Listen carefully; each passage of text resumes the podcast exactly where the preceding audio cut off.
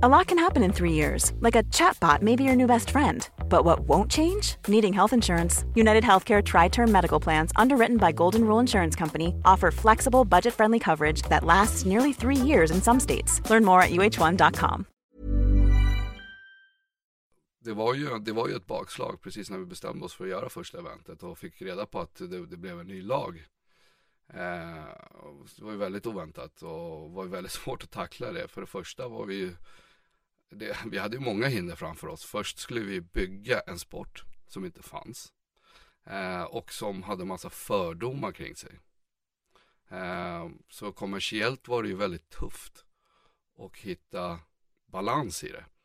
Och hitta bärighet i, egentligen i verksamheten. Så vi var tvungna att bygga en ny sport. Vi var tvungna att marknadsföra den. Vi var tvungna att bygga den PR-mässigt och bygga sporten och en acceptans för sporten. Eh, så det fanns ju mycket barriärer som inte vi visste om.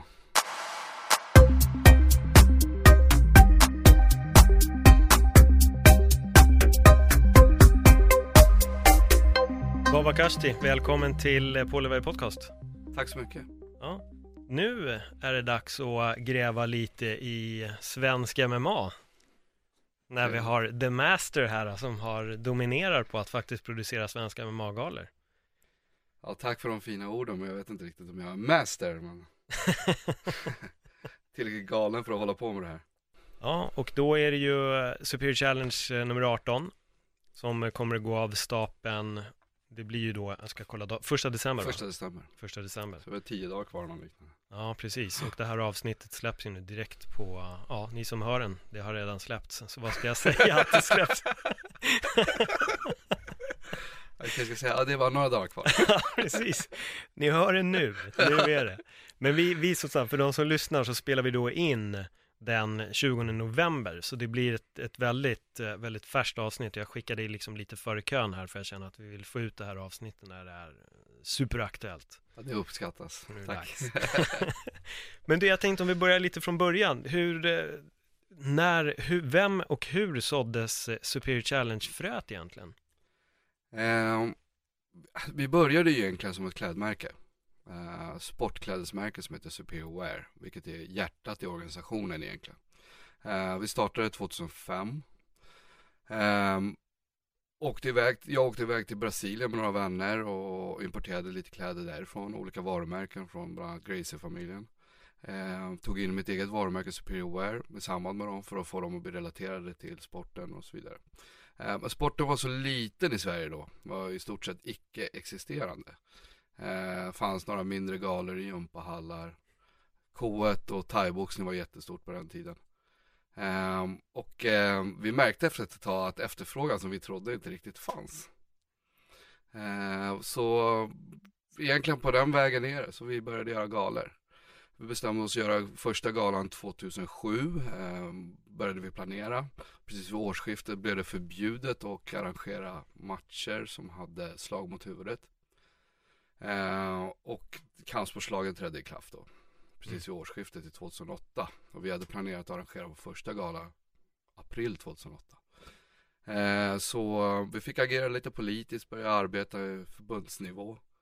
Eh, för att få, för att hjälpa till att bygga upp förbundet.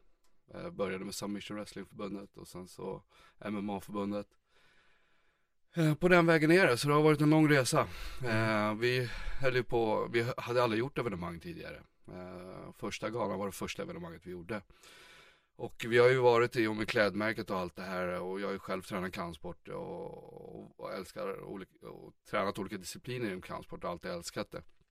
Så jag ville ju lite grann kombinera mina intressen varpå jag startade klädmärket som sen då mynnade ut i ett event eh, för att egentligen bygga svenska MMA. Mm. Så vi bestämde oss för att göra första eventet för att bygga svenska MMA. Och vi hade några bra fighters på den tiden, eller ganska bra fighters redan då. Eh, vilket var den första generationen av UFC-fighters som det visade sig sen. Eh, första vågen då av UFC-fighters, svenska UFC-fighters. Eh, visionen var att matcha svenska MMA-eliten mot internationella stjärnor och verkligen eh, sätta Sverige på MMA-kartan. Och också visa Sverige vad MMA är. Eh, och egentligen så har vi ju haft en liten eh, passion och det är att förmedla egentligen vår vision av vad en fighter är. Vi vill ju bygga hjältar. Eh, vi vill bygga framtidens idoler och, och idrottshjältar egentligen. Och, eh, och vi är fascinerade av fighters och allt det innebär att vara en atlet och en fighter. Uh, och vi ville förmedla det på något sätt. Så Galarna var en bra kanal för det. Och det gör vi än idag egentligen. Mm. Hur, hur gick ni tillväga för att få igenom första galan med tanke på förbudet som dök upp där? Eh, kampsportsdelegationen i Örebro, en, eh, länsstyrelsen i Örebro tillsattes för att övervaka evenemang egentligen. Så var ju MMA-förbundet var i uppstartsskedet då precis. Och de fick uppdrag från delegationen och eh, eh, sanktionera tillstånd, eh, ge sanktion till seriösa arrangörer. Som då sen skulle utvärdera ifall sporten med slag mot huvudet skulle få fortsätta arrangera tävlingar. Eh, och vi var väl en av eh, två galer och tre evenemang som såg till att Sverige fick, eh, eller MMA-förbundet fick ett eh, tills vidare tillstånd först. Sen blev det ett permanent tillstånd. Och sen kom vi med i RF. Men det pågick under två, tre år där. Mm. Och när första galan väl att ni fick datum, nu kan vi köra. Vad, vad tänkte ni? Hur många var ni? Ja, eh, ja alltså jag har ju alltid gjort och gör fortfarande det mesta kring evenemangen i startskedet. Sen kopplas det på fler och fler människor ju närmare och tätare in på evenemanget vi är. Eh, men vi, till en början var vi bara två, tre stycken. Mm. Eh, och jag drog det största lasset självklart. Och, ehm, det var, ju, det var ju ett bakslag precis när vi bestämde oss för att göra första eventet och fick reda på att det, det blev en ny lag. Eh, det var ju väldigt oväntat och var ju väldigt svårt att tackla det. För det första var vi ju, det, vi hade ju många hinder framför oss. Först skulle vi bygga en sport som inte fanns. Eh, och som hade massa fördomar kring sig. Eh, så kommersiellt var det ju väldigt tufft. Och hitta balans i det och hitta bärighet i, egentligen i verksamheten. Så vi var tvungna att bygga en ny sport, vi var tvungna att marknadsföra den, vi var tvungna att bygga den PR-mässigt och bygga sporten och en acceptans för sporten. Eh, så det fanns ju mycket barriärer som inte vi visste om eh, egentligen från början. Så hade vi vetat om det kanske aldrig vi hade gjort det. Eh, men det... Tur får vi säga då, att ni inte visste. ni gick in med lite naivitet. Det behövs. ja, jag är väl normalt så att jag, jag går in i grejer och sen så, sen så löser jag det på vägen. Ja. Men det gjorde ni ju. Jag menar fan, alltså för, för, för det du säger nu, det hade ju lika gärna kunnat varit eh, en gala eller ingen gala. Men nu sitter vi ändå här och gala nummer 18. Ja, tio år senare. Ja, det måste väl ändå kännas väldigt skönt att så här, fan, när, man, när du ändå tittar tillbaka att jävlar, det fanns motgångar men fan, vi körde. Ja, absolut. Det är ju alltid en tillfredsställelse och kunna leverera ett evenemang. Eh, och eh, det är så hektiskt så man tittar alltid ett evenemang i taget. Och, och för att passera det enorma hindret som ett stort berg och lyckas verkligen passera den och, eh, och eh, lyckas leverera med så få eh, bakslag så att säga som möjligt så det är ju en tillfredsställelse för det. Mm. Uh, men det är alltid kul att kunna göra det 18 gånger. Mm. det förstår jag. det förstår jag. Faktiskt 17, vi hoppade i nummer 13. Ja, ja ni, ah, okej, okay, okej, okay, just det, just det. Lite um, skrockfullhet där. Så. Ja, lite skrockfullhet. Vi hade ju en partner i, i en, en av Sveriges största, äh, större städer då som, äh, som vi hade ingått partnerskap med som inte riktigt lyckades ja, få till det i slutet. Så att eh, vi var tvungna att göra det själva. Så bestämde vi oss när vi ändå gör det själva och flyttar till en annan stad. Så, så hoppar vi nummer 13 för den veckan var väldigt oturbelagt. så tredje gången gilt fick vi till nummer 14 istället. ja, det är skönt. Ja. Men vad skulle du säga har varit den största utmaningen eh, på vägen? Oj, många. Mm. Um, självklart eh, bärighet i verksamheten har ju varit tufft, väldigt tufft i början. Eh, sen blir det ju större och större. Sporten har ju växt mer och mer under alla år. Eh, märkte en stor signif signifikant skillnad redan vid gala 5 2010 var det. Eh, där vi kände att eh, nu får vi verkligen en, eh, en förändring i, i approachen från press och media. Som tidigare då hade velat förknippa sporten med kriminalitet och, och alla negativa saker som våld och gatuslagsmål och, och allt vad det nu var. Eh, vilket fortfarande till viss del finns än idag men absolut inte på den nivån som fanns då. Eh, så det, det, det, har varit många motgångar men, eh, men man lär sig av det och det är alltid motgångar en utmaning. Ja, det håller jag med om. Men, och, och, hur har ni kunnat jobba med just den här förutfattade meningen som folk har haft? För jag tänkte nu, som vi alla då vet, på de senaste åren så har det ju hänt en ofantlig skillnad mm. i folks syn. Jag menar, jag vet bara första gången när jag började prata om att jag jobbade överhuvudtaget med MMA så um, hade ju folk ingen aning om vad det var. Men idag så vet alla vad UFC är, alla vet vad MMA är. Och... Uh, ja, precis. Alltså vi, vi just den eh, stora skillnaden, eh, barriären tycker jag som, eh, som svensk MMA passerade. Det var just efter vår femte gala där på 2010. Där eh, vi plötsligt blev kontaktade av Uppdrag granskning som ville göra eh, ett reportage om sporten. Eh, I samband med en av våra atleter då som som var i hetluften. Eh, och eh, de kontaktade oss och ville intervjua den här atleten och, ville, och, och med approachen att de skulle då göra, göra någonting kring MMA och jag tyckte att det var lite eh, kanske lite vinklat att göra det bara på det sättet utan eh, och, och, samtidigt så kunde vi inte heller avvärja en så stor granskningsmedia, eller största granskningsmedia som vi har i Sverige idag.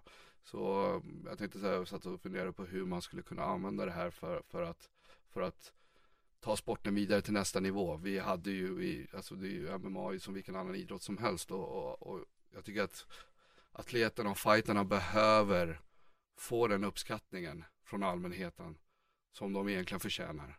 Och det är inte rättvist mot dem att bli behandlade på ett negativt sätt och få en negativ stämpel på sig. Um, och uh, jag diskuterade med Uppdrag granskning om att de, när de ändå gjorde ett reportage kring MMA, att de kunde ha med sig flera aktörer då i det här reportaget. Och eh, uh, de gick med på det till slut och um, det blev, jag fick ju jättemycket badwill eh, under resans gång. Alla som var involverade i sporten var väldigt nervösa och tyckte att vi hade förstört sporten. Men vi bjöd in Uppdrag granskning, de fick insyn i allting vi gjorde. Eh, de var på plats på galan och kring galan och, och gjorde sitt. Så de fick tillgång till allt och det visade sig sen då att eh, när programmet kom att det blev det konstigaste Uppdrag granskning-programmet. Eh, de hittade ju ingenting som hade med kriminalitet att göra och eh, förutom det var en person som hade kört 15 kilometer för fort i en poliskontroll och en som inte hade haft säkerhetsbälte på sig. Så hela deras historia fallerade och det blev istället en promotion för sporten. Mm. Eh, efter det så hände någonting magiskt. Eh, vi märkte redan veckorna efter. Det blev sportreferat, de pratade om atleternas prestationer istället för att koppla det till Hells Angels eller vad det nu kan vara. Liksom. Eh, så att det var, det var positiv utveckling och det, därifrån så tog det fart. Och vi fick lite luft under vingarna med att eh, allmän, vi kände att allmänheten fick en annan uppfattning av sporten. Eh, sen hade vi ju Sen hade vi, vi bjöd in mycket press och medier och försökte lyfta upp sporten och försökte, försökte ge dem en insyn i vad det egentligen är för att på så sätt ta bort alla mörka moln som finns kring sporten. Och vi gjorde bland annat, vi hade en eh, skribent eller en författare som hade varit journalist i eh, någon av Sveriges största medier, jag kommer inte ihåg om det var DN eller SvD och vad det nu kan vara. Men eh, hon, hon, ville göra en bok och hon, hon eh, det var en dam, eh, medelålders dam, eh, som inte är riktigt målgruppen för det här. Eh, hon kom in, hade aldrig haft någon insyn i sporten eh, och skulle skriva en bok om det. Fråga mig inte varför. Eh, Vi bjöd in henne, satte henne ringside och fick vara med på invägningen och fick se allting och satt och hade mycket möten med henne. Efteråt, efter galan, så jag var ju lite så skeptisk. Jag trodde inte att det skulle uppfattas så positivt som det gjorde. Hon kom fram till mig efter galan med helt uppspärrade ögon och sa jag, har en, liksom en ny kärlek till sporten. Alltså det, jag, jag älskar det här. Det här var fantastiskt. Tack för att jag fick komma. Hon skrev en bok och, eh, någon, och sen ett tag senare så var jag på ett evenemang i, i England där vi hade en fighter som tävlade och hon var där.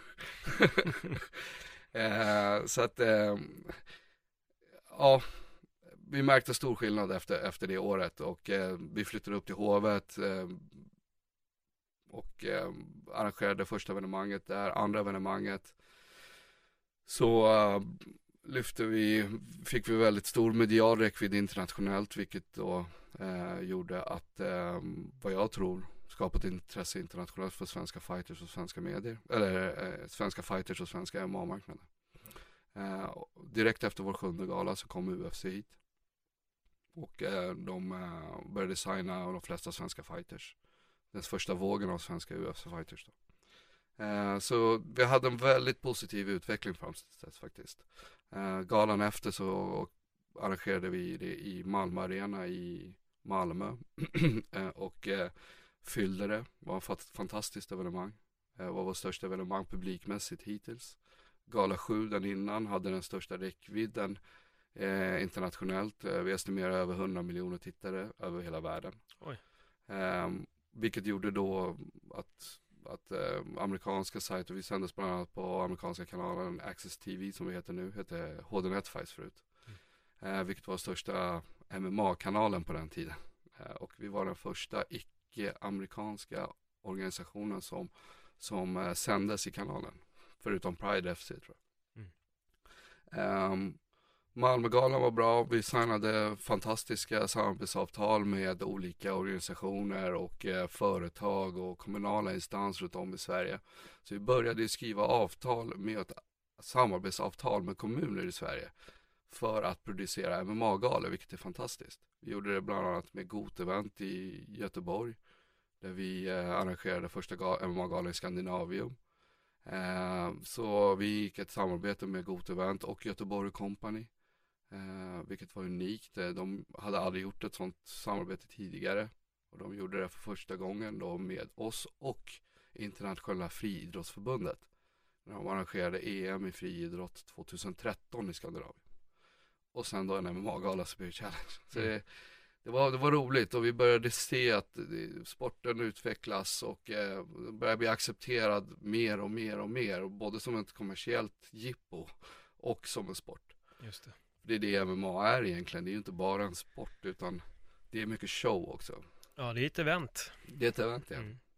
Och det är ett live-event och eh, man måste se det live för att förstå showen. Ja. förstå liksom upplevelsen eh, och den här krispiga atmosfären som, som är svår att förmedla via tv. Nej, det är omöjligt. Alltså det, det är verkligen omöjligt, egentligen med allt, allt som är möjlighet att se live måste man ju nästan gå och se live. Men jag håller med dig, det är, nu har jag ju kommenterat några hundra galor och jag kan ju säga att det är stor skillnad på att sitta här i en liten box och kommentera kontra att sitta då ringside på en av era galor. Det, mm. det ger ju en, eh, nej det, det går ju inte att jämföra på något sätt. Nej. Även om du skulle se världens bästa fight genom tvn så är det ändå alltid bättre att se fighterna live. live liksom. Absolut. Det är så stor skillnad alltså. Men hur upplever du det? Alltså har du sett en mer publikströmning? Har du sett att nya fans dyker upp? Liksom vilka här, externa faktorer mer har du sett att det är att MMA börjar verkligen bli accepterat? Um, jag själv, alltså jag, jag har ju märkt att um, vi märkte ju signifikanta, eh, vad ska vi säga, expansion, expansionella eh, positiva aspekter med sporten i alla led egentligen. Och det var både när det gäller publik, sponsorer, uppfattningen från allmänheten, eh, tv-intresset. Allting ökade och gör det än idag. Eh, efter vår sjunde gala så kom ju UFC hit. Eh, och UFC har ju också påverkat väldigt mycket. Eh, och vi har haft väldigt framgångsrika fighters i Sverige som har tävlat i UFC, Bellator eh, och andra galor. Och det är också en bidragande faktor till allting såklart. Vi har ju stort namn som Alex som, har, som ligger på toppnivå internationellt.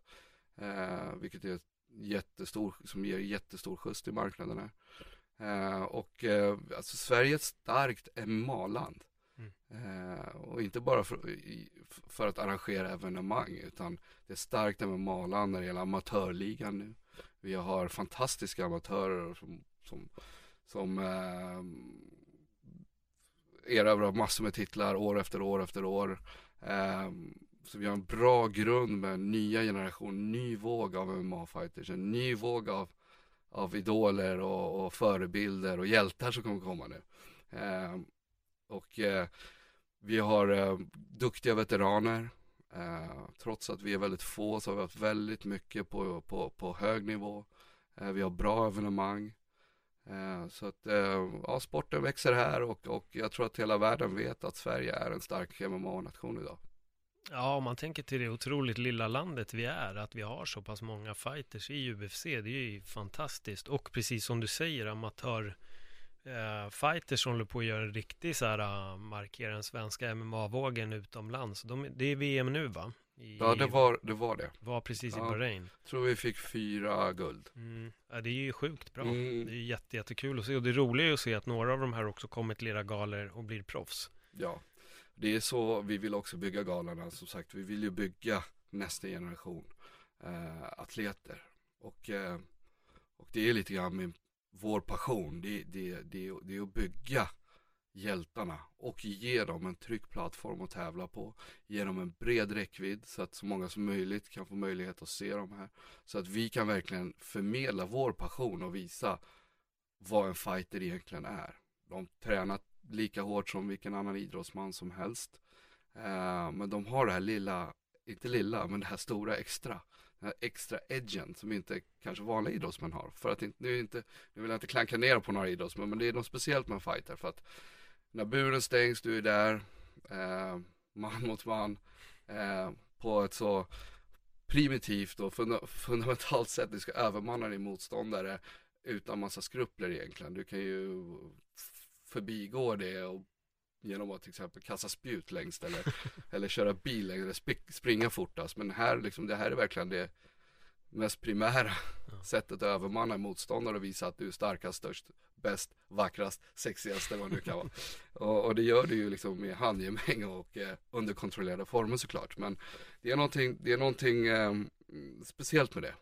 Och eh, det, det, krävs någonting speciellt för en idrottsman att utsätta sig för den positionen. Att du blottar dig för hela världen. Genom att då, vad de själva tycker, bli förnedrade offentligt. Eh, på ett så basic sätt egentligen. Eh, så att det, och sen också då kunna blotta sig för den, för den, eh, den aspekten är ju någonting speciellt. Eh, vem som helst kan ju kanske bli påverkad, även idrotts, friidrottare blir påverkade av publik och sådär. Men här har ju världens ögon som sitter och tittar på det för att få stryk. Ja, och det är, en, eh, det är inte det enklaste att kliva in under de omständigheterna men vi har ju människor som är villiga att göra det om ja. och om igen vilket är helt det är fantastiskt. Sen är det det här mentala edgen som är lite speciellt med en fighter och det är, mm. det är just den här fighten som vi vill vi vill ju, vi, vi vill ju lyfta fighten och ge dem den här uh, uppmärksamhet som vi tycker att de inte riktigt får. Och vi vill ge dem den uppmärksamheten, vi vill ge dem den möjligheten att, att bygga sina karriärer och, och, skapa en sport och, och bli framgångsrika internationellt och, och, och bidra både till Sverige och svenska, svenska idrotter. Just det. En, en eh, fråga här. Hur jobbigt kändes det när, vulka när vulkanen gick i Island? ja du, vi har haft många sådana historier. Jag skulle kunna sitta och skriva en bok om det där. Eh, det var jobbigt. jag pratade med vår resebyrå då som, som ringde upp mig veckan innan galan. Men jag tror det var ungefär så här dags.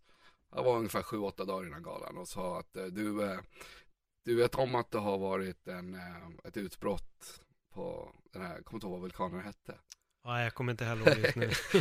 och eh, den har ju pågått lite grann nu, sa han. Och jag tror att den kommer lägga sig, men var lite så här, heads up. det kan bli värre. Eh, och så jag sa så här, oh, fan jag tror inte det kommer vara någonting. Sen ringde han upp två timmar senare och sa du, du får nog börja tänka om för det, det, det, här kommer på, det här kommer påverka eventet väldigt mycket. Och det, vi, vi hade lite is i magen, vi väntade ett par dagar, två dagar senare så märkte vi, ja men det är bara helvetet brakar loss här. Ja. Det, det, finns ingen återvändo, vi hade, jag tror Hanna Selén satt fast i Thailand och kom inte hem till Sverige ens en vecka innan. Eh, vår konferencier satt fast i Danmark eller England och kom inte hem. Och, det här var en vecka innan. Mm. Eh, folk typ började gå hem från, från Danmark. och, och ja, vi, vi visste inte riktigt hur vi skulle tackla det. Vad gör man? Du har tv-produktion som är bokad, du har tablåtid i tv, du har en arena som är bokad, du har fighters från hela världen som kommer dit. 24, säg att 12 av dem är svenskar så är minst 12 utlänningar. Och från Japan, det är från USA, det är från Brasilien och, och det är coacher inblandade och det är flyg och det är hotell och det vad gör man? Ja, bara acceptera läget och jag menar det är ju force majeure men, ja.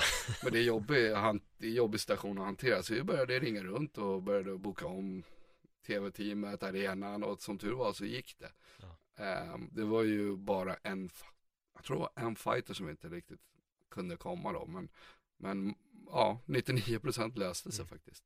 Uh, som tur var. Och som tur var så slutade ju vulkanen uh, spy ut rök ja. efter, efter en vecka. men det var ovanligt. Vi hade ett annat till faktiskt för några, vi köpte en ny bur för ett tag sedan. För vi har haft så här buren där jag själv har varit ingenjör. Mm. Som väger fem och ett halvt ton och tar typ så här två dagar att bygga. Men det... Hej, jag Ryan Reynolds. På Mint Mobile, we like to do the opposite of what Big Wireless does. They charge you a lot. We charge you a little. So naturally, when they announced they'd be raising their prices due to inflation, we decided to deflate our prices due to not hating you. That's right. We're cutting the price of Mint Unlimited from $30 a month to just $15 a month. Give it a try at mintmobile.com slash switch. $45 upfront for three months plus taxes and fees. Promo for new customers for limited time. Unlimited more than 40 gigabytes per month. Slows. Full terms at mintmobile.com. Here's a cool fact. A crocodile can't stick out its tongue. Another cool fact, you can get short-term health insurance for a month or just under a year in some states. United Healthcare short-term insurance plans are designed for people who are between jobs, coming off their parents' plan, or turning a side hustle into a full-time gig. Underwritten by Golden Rule Insurance Company, they offer flexible, budget friendly coverage with access to a nationwide network of doctors and hospitals. Get more cool facts about United Healthcare short term plans at uh1.com. Den mest stabilaste buren i hela världen. Ja, vi byggde den som att eh, den ska hålla för två elefanter. Så det är verkligen massivt gods. Eh, men eh, det är jobbigt att bygga och eh, bära Så vi köpte en ny bur och, ehm, och så, så, så, ville vi ha hit den till 15 tror jag var. och den fastnade i storm på havet i en container så båten var tvungen att vänta in stormen. så vart deadlinen, vi, vi var ute i god tid, jag tror vi var ute typ så här, ja men två veckor innan ska det levereras tyckte vi är bra för oss. Mm. eh, men eh, deadlinen då sköts närmare och närmare galan. Till slut var det, tror jag, på onsdagen innan galan. Och vi sa så här, kommer den på onsdagen och torsdagen då kan vi eventuellt få loss den från tullen. Eh, vi kan hämta den, leverera den här och sen så gå igenom den och se om den är hel eller inte och eventuellt då eh, bygga nya delar som fattas för att kunna lösa situationen. Men då hinner vi få upp den i alla fall. Men eh, eh, den kom inte. Och vi väntade till och med till fredag, alltså dagen innan galan. På torsdag kväll började vi ringa runt och till slut fick vi hyra in en bur i sista sekund för att vårt team ville inte bygga vår gamla bur som så. Men den var jobbig. Ja det förstår jag, men det den löste sig. Jobbig. Den löste sig, vi fick ha den till galan efter men ja. den kom ju, eh, den kom ju på måndagen efter galan. Ja, okay. så vi satt hån. Nej, fy fan. För jag minns verkligen det här med, med just um, med vulkanen. Mm. Det var ju så jävla sjukt. Man har aldrig hört talas om det där. Det var, vad var det, vulkanaska liksom. Ja. Vem, vem trodde att vulkanaska skulle stoppa för det satte ju verkligen stopp för hela världens nästan flighter ja, ja. under, var väl en, en hel vecka. Jag tror det var, ja exakt, det var ju under flera dagar som, eh, som det lamslog hela, hela Europe, europeiska luftrummet egentligen. Mm. I alla fall norra Europa helt, helt och hållet. Eh, men ja. Jag tror väl ändå att om du någonsin har haft en bra ursäkt för att skjuta fram en gala så är det den. ja, Ja, precis. Det är ganska fascinerande att vi lyckades pricka in det datumet också. Det är, det är rätt bra. Det är så här historia till barnbarnen sen. En gång var det en vulkan. Tur att det inte gala 13. Ja, men den var ju faktiskt nästan samma sak ungefär. Ja, Eh, Fast då var det lite problem med eh, byggnationen i arenan som vi skulle vara i. Mm. Eh, Men det är en annan historia.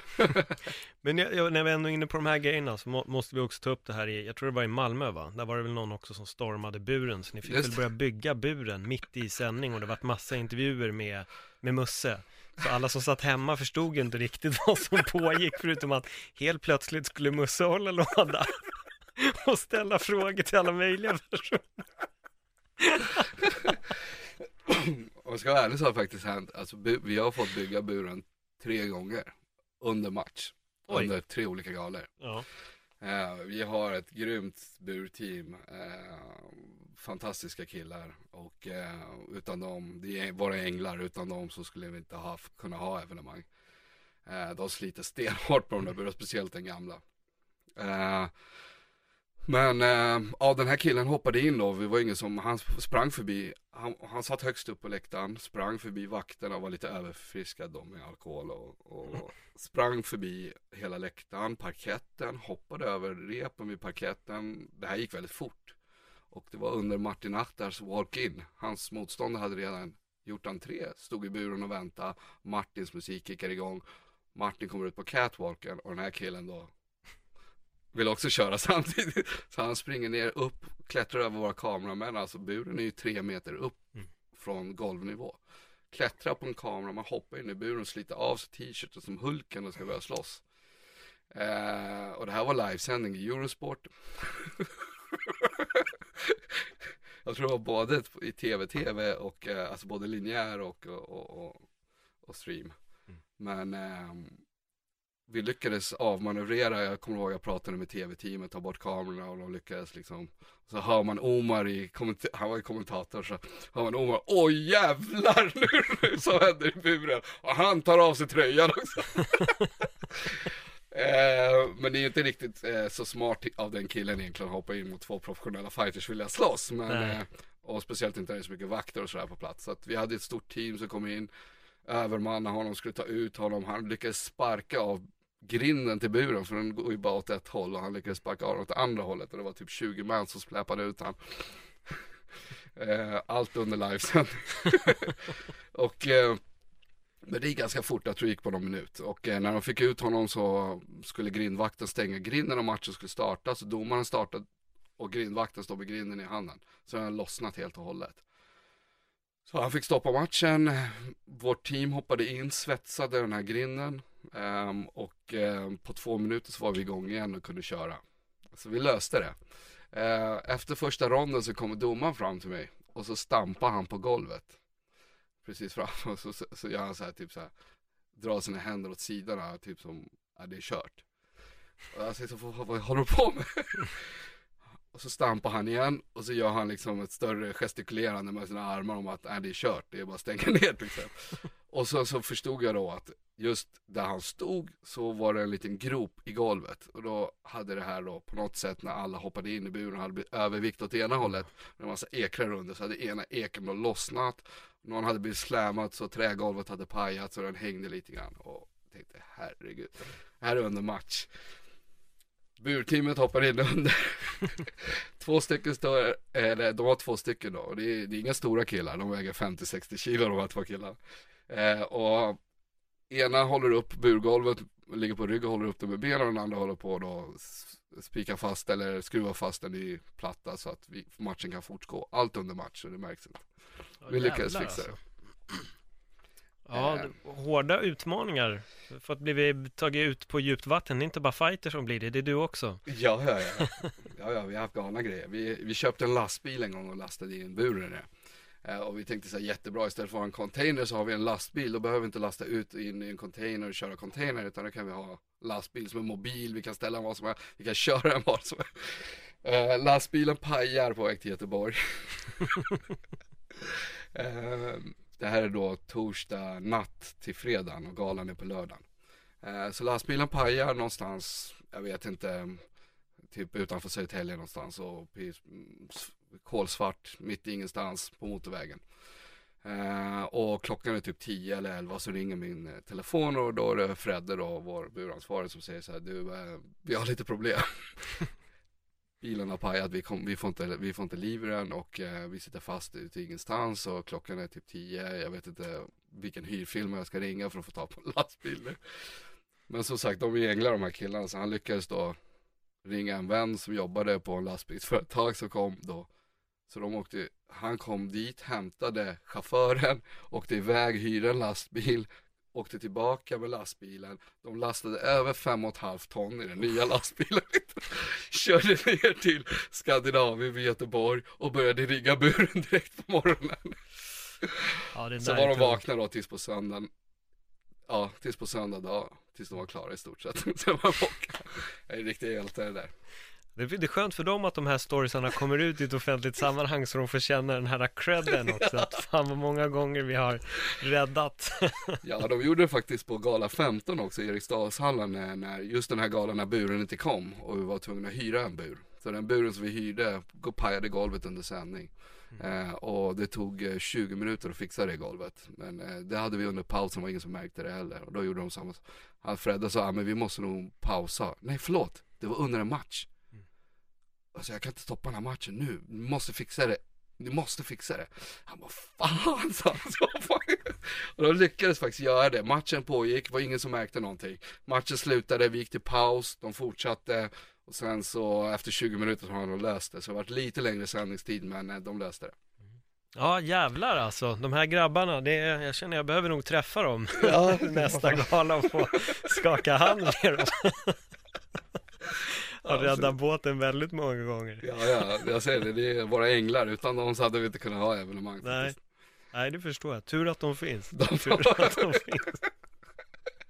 Verkligen. De kommer få så här special cred efter varje, varje event nu.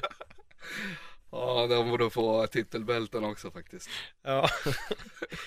Men apropå titelbälten, det, det står eh, titelmatcher på spel eh, nu va? Ja. Eh, Bjälkheden eller? Ja, vi har Ja. Bjälkheden då som går titelmatch och Mm. eh, det här blir då hans tredje, andra titelförsvar, eh, tredje titelförsvar, eller tredje titelmatch blir det. Mm.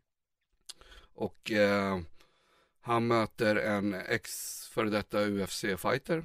Låter negativt att säga före detta UFC-fighter, man kanske ska säga en UFC-veteran. Eh, Marcin Bandel från eh, Polen. En av Europas främsta grapplers svart bälte i BI, vunnit massor inom både no-gi och megi. Eh, eller kanske ska förklara med både som brasiliansk jiu-jitsu och submission wrestling.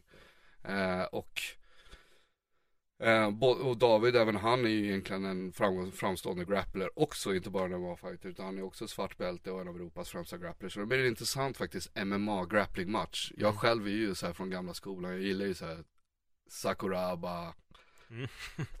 Jag har en liten dröm om, om, om, om att ha sådana matcher och eh, det här kanske blir ens förverkligande. Ja, får hoppas. Sen är det bara den, den gamla klassikern när två sådana här killar möts i att det blir bara stående. Man kan ju drömma. ja, jag vet. Nej, jag håller med dig. Det, men, men man blir, ofta så blir man så besviken när de är där supergrapplers. Jag vet när, man, när jag kommenterar UFC så är så här, Alltså det är inte ofta man säger men fan vad jag vill se de här två personerna på marken och ändå ska de stå och boxas. Ja, det blir, det blir alltid så här. Det blir aldrig som man hade förväntat sig. Nej, vi får hoppas att det händer nu. Ja, sen har vi ju två stycken kval till titel faktiskt. Eh, också väldigt intressant. Det är Niko Musuke eh, som eh, kommer tillbaka till, till svenska marknaden kan man säga. Eh, han har tävlat i Spirit Challenge tidigare, var en av de här första vågen UFC Fighters. Nu kommer han tillbaka till Spirit Challenge och vi är väldigt glada att ha tillbaka honom och eh, ser väldigt, väldigt mycket fram emot hans match. Han ska möta Daniel Akachu som är The Viking Hunter, fick titelnamnet efter att han eh, efter att han vann över fyra eller fem svenskar tror jag. Varav fyra av dem var på Spirit Challenge då. Så han har varit före detta välterviktstitel titelhållare. Eh, och eh, varit i Pride, eh, tävlat på shooterbox med Vandeli Silva och Andersson Silva och hela det gamla Shogun-bröderna. Eller nej, Hoa-bröderna. Ja, Shogun och Ninja. Och eh, han, är, han är från den gamla, gamla skolan. Uh, väldigt intressant fighter. Dock vet man inte riktigt vilken form han kommer i, både mentalt eller fysiskt. För ibland presterar han helt magiskt. Och ibland så har han en svacka och känns väldigt loj. Mm. Uh, så um, en bra dag för Akachi och en farlig dag för vem som helst. Uh, och det ska bli väldigt intressant att, att se han faktiskt mot Nico nu. Mm. Nico har ju, det här är ju en kvalmatch så om, eh, om eh, Nico då vinner det här så har han möjlighet att gå om titeln mot eh, vår regerande titelhållare då. Ja, det blir vinnaren då, Marcin och David. Nej, Eller? det är Nej, en, ah, förlåt. det här är, ja, förlåt. Nico har ju gått upp till just mellanvikt. Just, just det. Eh, vilket är bra faktiskt. Eh, Mm. Ja, för jag tänkte bara, fan det kan alltså bli David, ja, nej, då är jag med. Ja, och, och även Akachi har gått upp till 84 nu. Mm. Så det är därför du tänker på Ja, välter. att David Båda har ju varit välter och exakt, båda exakt. gått upp till mellanvikt. Och David och Akasio har ju mötts en gång Exakt. också. Just det. Och de gick om titeln första gången. Mm. Så David jagade ju den titelmatchen, en rematch mot, för den. Men Akachi la ju handskarna på hyllan och nu kommer han tillbaka och gör en comeback fast i 84. Eh, och jag, tycker, jag tror jättebra också för Nick att gå upp till 84. Jag tror han kommer vara livsfarlig i den viktklassen. Han har ju så enorm fys den killen och så välbyggd och så stor. Eh, så jag kan faktiskt inte förstå hur han gick ner till 77. Nej, det är, nej, vissa förstår jag inte riktigt heller. Det är vissa som man ser där som är helt, eh, ja, jag tänker lite på Darren Till till exempel. Mm. är ju som ett monster och ändå liksom lyckas kliva ner. Det är ju några som jag förstår inte alls. Nico ska faktiskt bli otroligt kul att se. Mm. Um, fan, det är jävligt tråkigt med hans senaste match i Globen alltså. Ja, fan vilken match han gjorde. Ja, Ja, och tråkigt att råka ut för den här liksom. ja. Men, ehm, ja. Där har vi det, MMA, MMA. Exakt. Såg du Jair Rodriguez mot eh, Korean ja Zombie? helt otroligt. En sekund kvar i femte ronden, boom! Århundradets sjukaste armbåge i årets KO. Alltså det är så Ja, här, vad kom det? Man såg inte ens den. Nej. Jag var ju tvungen att titta på, på Ja. repriserna för att förstå vad det var för Ja. någonting. Jag trodde det var en skallning först. Ja, det var jättemånga som trodde att det var en skalle. Ja. Och jag var inte helt säker. Jag var också, vad, vad fan var det egentligen han blev träffad? Sen bara, fan det är ju en armbåge alltså. Duckar under och... Ja, Nej, den, den riktigt var helt speciellt. Eh, Men sen eh, tit- nästa titel kvar är också en annan intressant aktör och en av våra framtidshopp, nästa generation. Och Kalle Albrektsson, Mm, killen med det stora håret. mm, Eh, superskön karaktär. Eh, superduktig, talangfull fighter. Ehm, han har tävlat i Japan. Nu är han till, mm, tillbaka i Sverige. Förra galan var första matchen han gick här i Sverige efter, efter Rising. Och eh, nu ska han möta en eh, UFC-veteran eh, som har varit i Tuffhuset också. mm. Eh, Josh Stansbury. Och eh, det är en utmaning för Kalle.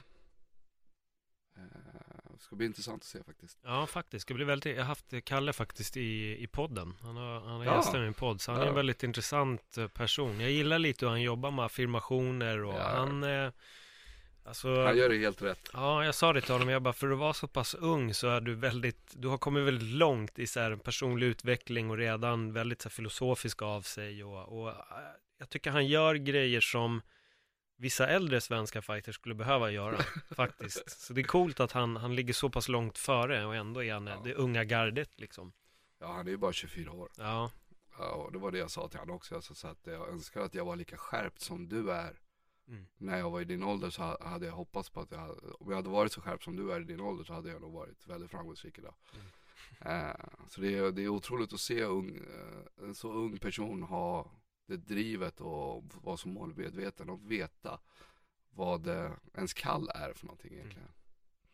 Ja, jag är super, super nyfiken på hans, eh, hans möte mot Josh Stansbury. Jag tycker det är bra också att han får en, jag gillar ändå när svenska fighterserna får de här, alltså utmaningarna, hur man Mm. än ser på eh, före detta eller UFC-veteran eller inte. Men fan, Stansbury har eh, varit i den stora ligan och Mm. du måste kunna spöa de som har varit i stora ligan ifall du vill dit själv. Ja, ja. Så jag tycker det är helt, eh, helt, helt korrekt att han får en sån matchning. Och jag, om inte jag minns fel så var det här första matchen för han också utanför UFC. Ja, det kan det nog vara. I alla Mm. fall utanför USA. Ja, kanske så. För, Ja. ja. Eh, Kan komma tillbaka till det. ja, precis, precis. Får googla lite. Men eh, också, fan han fick ju göra en, eh, han var en jävla skön story med Ersoy från att ha gått runt där som, vad, vad heter det, lite extraarbetare på en Han var funktionär funktionär Superior, ja. till att fighta som bälte. Det är ju en, eh, det är en riktigt bra story. Ja, det är en jättefin story. Eh, och eh, ja, nu är jag ju comeback. Ehm, han hade ju en titelmatch mot Diego Nunez, sen har han eh, haft ett litet uppehåll. Comeback kanske är för svårt, dåligt att säga eftersom det inte riktigt har varit en eh, paus, men Nej, eh, ett litet uppehåll har han haft i alla fall, men nu är han tillbaka. Eh, och så är ju alltid underhållande. Det är mycket action, väldigt intensiv, mycket studsande fram och tillbaka, snabba händer och träffar han så är det hejdå. Ja. Så det är alltid roligt att se hans matcher faktiskt. Ja, det går men- fort. Ja, absolut, absolut, det gör det. Va, vem, om du skulle få välja en, en drömmatchning till Superior för dig, du får välja liksom fritt egentligen vem, vem du vill just nu. Vilka skulle du vilja se i ett så här, ett, en huvudmatch på Superior? Ja, men är det så här typ Stålmannen och Hulken eller? Nej, The Fighters tänkte jag. Annars så...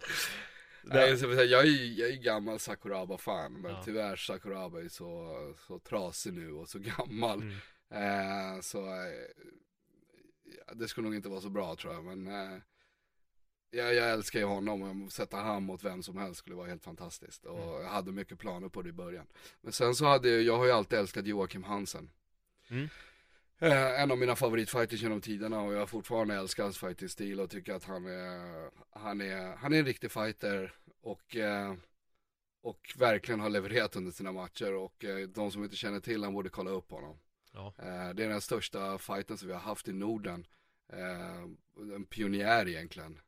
Nu dock Alex har manslat den rollen. Men Jocke var ju före alla andra. Och tävlade i Pride, i Dream och han var en stor stjärna i Japan. Och sen så fick vi honom faktiskt till Sverige. Eh, jag skulle matcha honom mot David egentligen för många år sedan Ja. innan jag hade Superior Challenge-galor. Eh, och var nära att få till det. Men, eh, och båda accepterade faktiskt, men det rann ut i sanden. De, Jocke satt fast i UFC-kontrakt. Eller när UFC köpte upp Pride då. Så det blev fördröjningar, rann ut i sanden egentligen. Men jag lyckades få till Jocke i alla fall på Superior Challenge två gånger. Eh, en av dem var ju mot Sami Aziz, vår egen lilla superstjärna. Mm. Eh, största, vad ska man säga, idrottsliga fighten som vi har i Sverige. Och har haft det jag relaterar honom med Gunde Svan och hälsomänniska och sådär. Superskön karaktär. Eh, och eh, det var ju en, för mig var det en jättestor drömmatch egentligen, alltså ur ett lokalt perspektiv. Eh, och eh, Sami gjorde jättebra ifrån sig. Och Jocke bröt handen i första slagväxlingen, han träffade Osama i, i pannan tror jag. Eh, och lyckades dra ut Osama i slutet på andra ronden. Så det var ju en väldigt skön match. Sen så fick jag möjligheten att ha honom på galan under gala 11 mot Diego Nunez, eh, UFC-killen. Eh, I en livsfarlig match, fan vad den gick fram och tillbaka och Diego Nunez eh, vred knät, ur led, eller Joakim vred knät på Diego ur led i första ronden. Eh, så Diego berättade efteråt, han bara, jag hade så ont, jag visste inte om jag skulle ens kunna ställa mig upp efter rondvilan. Eh, men eh, jag tror det var ganska kort in på första ronden som Diego lyckades få in en klockren träff på Jocke. En höger tror jag det var. Eh, en krok eller overhand. Jag kommer inte riktigt ihåg vad det var för någonting, men han lyckades få in en klockren. Och, och, och, ja. Och tog matchen på den då, med brutet knä. Helt galet. Ja, det är helt otroligt. Och där har vi de här, verkligen som du säger, definitionen av en fighter. De som ändå lyckas ta sig igenom de här äh, motgångarna. Jag tänker lite också på Jack Hermansson mot, eh, han har ju varit här och fightats brassen som ett Tor Träng. Jag tappar alltid namnet på honom. Jack Hermansson, Talles Lates. Talles Lates. Ja, det var ju vår titelhållare. Ja, när han bröt revbenet Mm. på Hermansson i så här Mm. första ronden. Mm. Ändå lyckas han vinna. Det, är, det finns några sådana där som verkligen är helt, helt, helt, helt otroliga alltså. De lyckas gräva ja, verkligen, igenom det där. Verkligen, verkligen. Ja, det var grymt. Ja, Det var grymt och jag blev lite imponerad när han tog Talles. Vi tog hit Talles 2011 i samband med vår sjunde gala eh, och han gick om titeln mot Tor Troeng.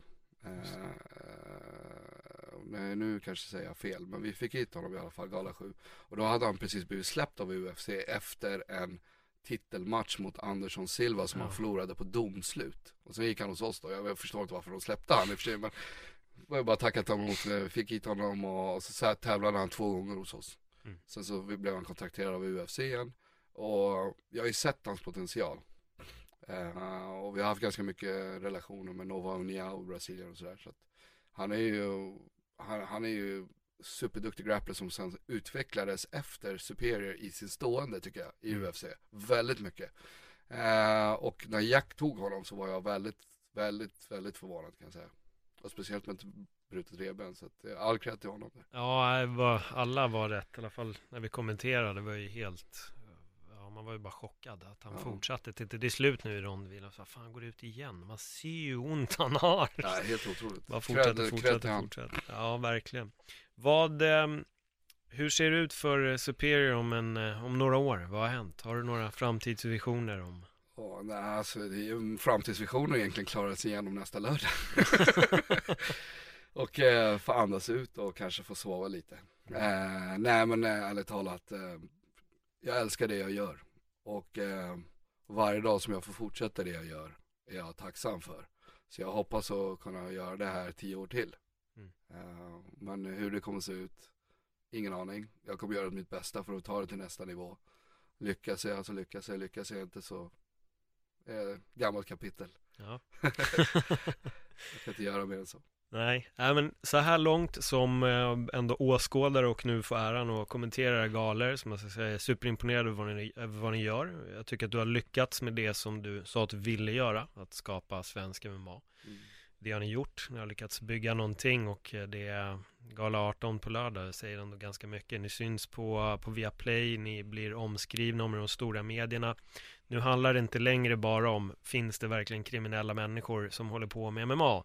Utan nu ser man att det finns faktiskt idrottsmän som håller på med MMA. Och det får vi säga ändå hatten av också till att ni, för, för, för ni är ju pionjärer i det och har jobbat mot de här stora motgångarna och lyckats bygga det till det det är idag. Och även öppnat upp dörren för, för nya aktörer. Men framförallt så ger ni också en plattform till svenska atleter. Ja, och det är, tack för de fina orden. Det uppskattas och det värmer och eh, det, det vill vi verkligen göra och vi vill fortsätta med det också. och vi har ju haft turen att jobba med väldigt bra atleter, bland annat som Simon Sköld till exempel. Han är, han är ju en superatlet eh, och, och, och väldigt, väldigt bra ambassadör för sporten. Eh, så att vi har väl också haft turen med att och, och ha ett bra underlag att arbeta med. Ja. Vilket är svenska fighters. Och även nordiska och internationella. Jag ser fram emot galan på lördag. Det ska bli jättekul att, att kommentera och sen hoppas jag att du får sova kanske på måndagen i alla fall då. Ja, jag hoppas också. ja, då är jobbet igen. Ja, precis. Ja, men Babak du får säga tack för allt du gör för svenska MMA. Eh, Uppskattas av mig och många, många andra. Och så får jag tacka för ett eh, härligt samtal och få veta lite mer om faktiskt ursprunget. Tack för att du ville ha mig här. Absolut, absolut. Jag hoppas att vi kan sätta oss om eh, något år igen och diskutera nya vulkanutbrott. Det hoppas jag verkligen inte, men jag kommer gärna tillbaka hit och prata om trevligare saker istället. Det låter bra. Tack så jättemycket än en Tack gång. Paul.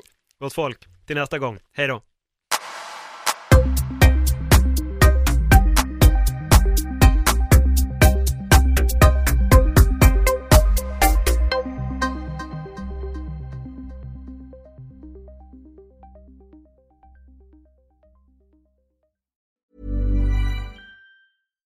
Even when we're on a budget, we still deserve nice things.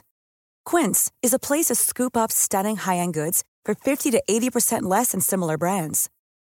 They have buttery soft cashmere sweaters starting at $50, luxurious Italian leather bags, and so much more. Plus, Quince only works with factories that use safe, ethical, and responsible manufacturing. Get the high-end goods you'll love without the high price tag with Quince. Go to quince.com slash style for free shipping and 365-day returns.